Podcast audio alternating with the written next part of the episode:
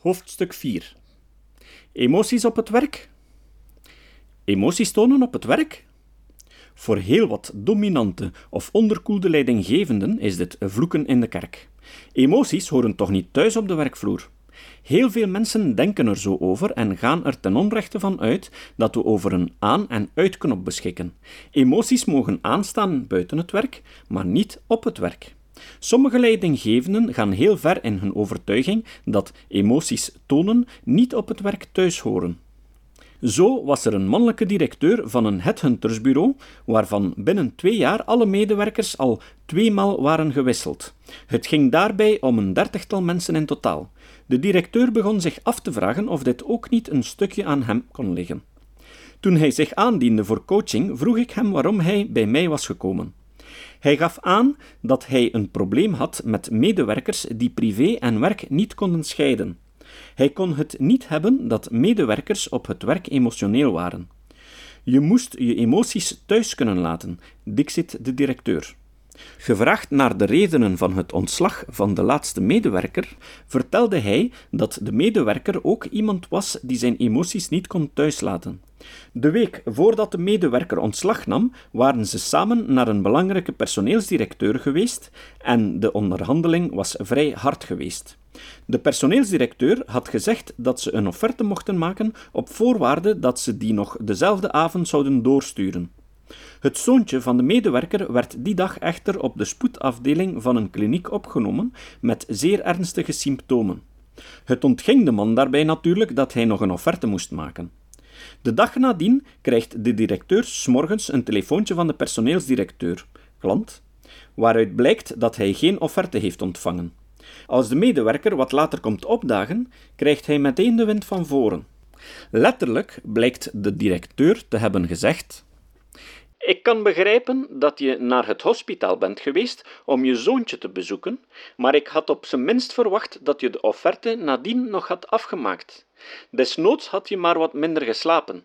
Een week later diende de medewerker tot verbazing van de directeur zijn ontslag in.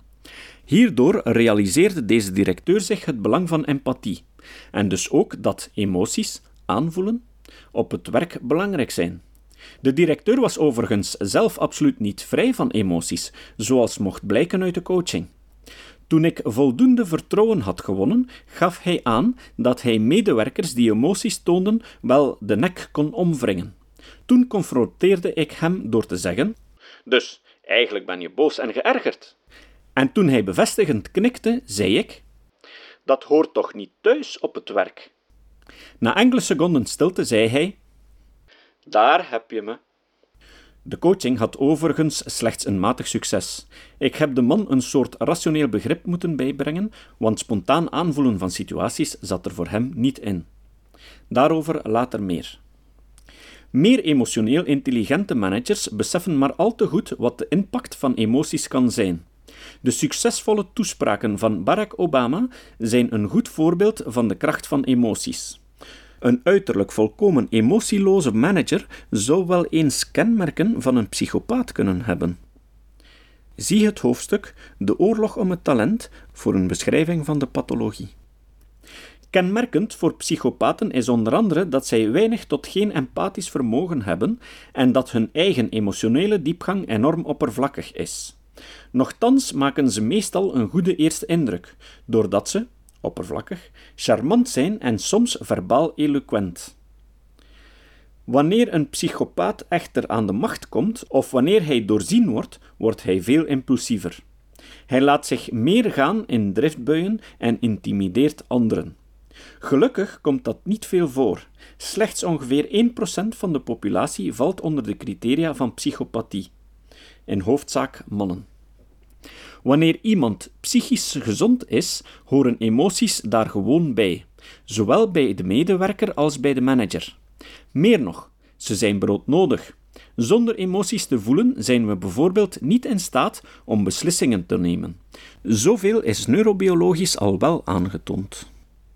Neurowetenschappers kunnen zelfs zien wanneer en welke positieve of negatieve beslissingen iemand wil gaan nemen, nog vooraleer dat deze persoon er zich bewust van is. Damasio 1998. Nochtans zijn er heel wat managers die vinden dat men zich op het werk zuiver rationeel moet opstellen.